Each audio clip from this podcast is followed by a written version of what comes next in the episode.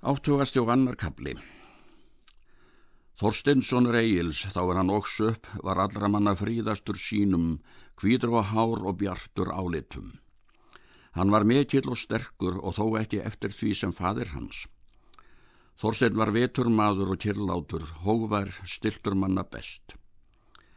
Egil unni honum lítið.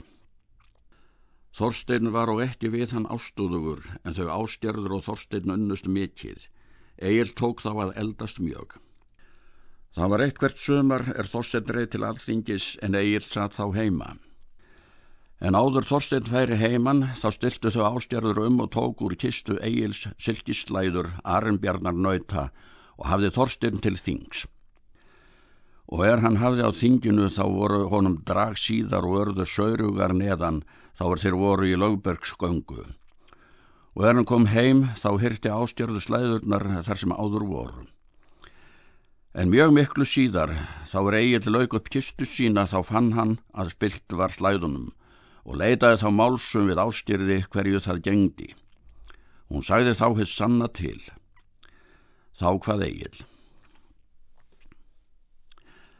Áttak erfi nýtja, arfa mér til þarfan, mig hefur sonar og svikvinn sveikteleg í því kveikvan. Vel mátti þessu vatna viðgjörðandi býða es hafskýða hlæði hljóta endur of megu grjóti. Þorstein fekk Jófríðar, dóttur Gunnars Lífarssonar. Móður hennar var Helga, dóttur Ólas Feilans, sýstir Þórðar Gjellis. Jófríði hafði átt fyrir Þóróttur, sonur tungu odds. Littlu eftir þetta andaðist áskerður. Eftir það brá Egil búi og seldi í hendur Þorsteini en Egil fór þá söður til Mósfells til Grímsam ásins því að hann unnið mestu Þordísi stjúdóttur sinni þegar manna er þá voru á lífi. Það var eitt sömar að skip kom út í Leirovogi og styrði sá maður Þormóður Kjett. Hann var norrætt og húskarl Þorsteins og Tórussonar. Hann hafði með að fara skjöld er Þorstein hafði sendt agli skallagrimsinni og var það ágæti skripur.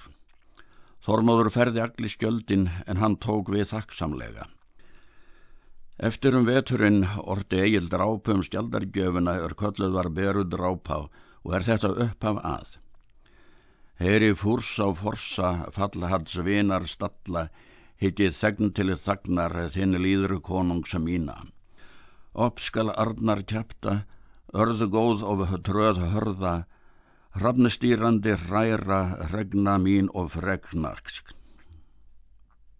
Þorstein Egilson bjóð borg.